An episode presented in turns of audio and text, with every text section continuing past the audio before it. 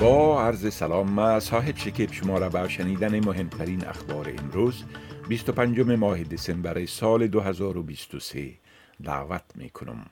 صدر اعظم استرالیا انتونی البنیزی کریسمس را به همه استرالیایی ها تبریک گفته و از کسانی که روز کریسمس خود را برای کمک با دیگران سپری می کنند قدردانی کرده است.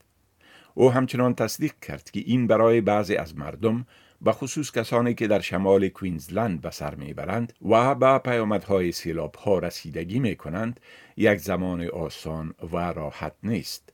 پیتر دتن رهبر جناح مخالف در پیام کریسمس خود اظهار داشت که بسیاری از مردم با افزایش مخارج زندگی برای گذراندن روزگار خود با مشکلات دست و پنجه نرم می کنند.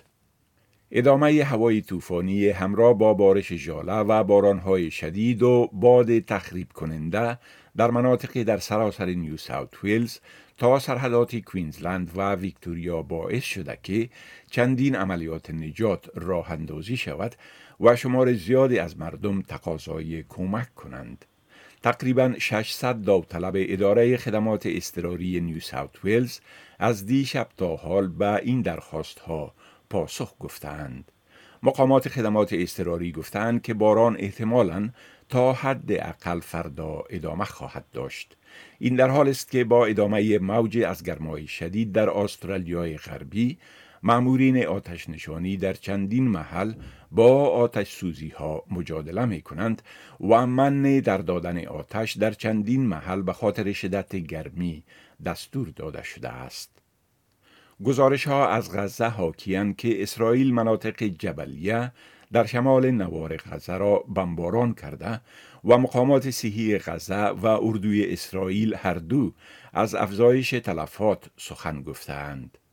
اسرائیل می‌گوید که با کنترل عملیاتی تقریبا کامل در شمال غزه نائل آمده و برای گسترش حملات زمینی علیه شبه نظامیان حماس به مناطق دیگر آمادگی می گیرد.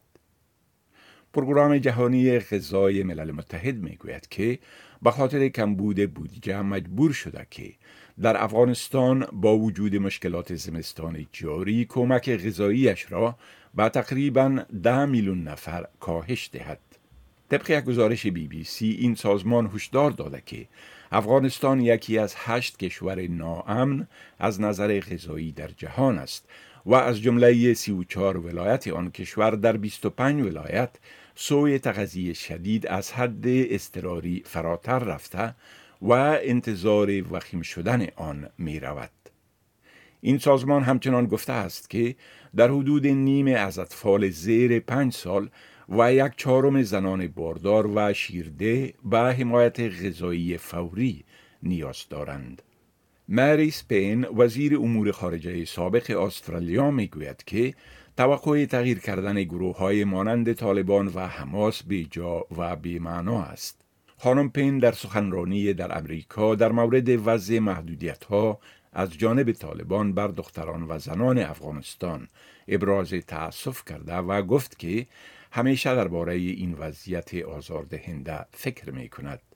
مریس پین که در زمان خروج سربازان استرالیایی از افغانستان وزیر خارجه استرالیا بود گفت که برای بسیاری از مردم از جمله استرالیایی هایی که جانهای خود را در مبارزه برای افغانستان آزادتر فدا کردند رها کردن آن کشور دشوار بوده است. نهاد مشورتی روانی Lifeline به استرالیایی هایی که ممکن است در جریان دوره رخصتی های کریسمس و سال نو با مشکلات مواجه شوند یادآوری می کند که ناراحتی روانی و احساس انزوا در این دوران بسیار معمول است و افزایش فشارها و انتظارات اکثرا این گونه احساسات را تشدید می کند. این نهاد امداد روانی می گوید که با وجود ظاهر شادمانه و رنگین این دوران رخصتی عوامل مانند افزایش فشارهای مالی، تشدید تشنجات خانوادگی و تشدید احساس تنهایی اکثرا احساسات بغرنج و دشوار را برای مردم به ارمغان می آورد.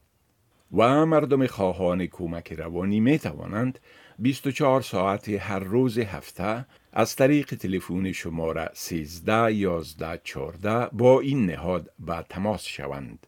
این بود خلاصه از مهمترین اخبار از برنامه دری اس آدیو.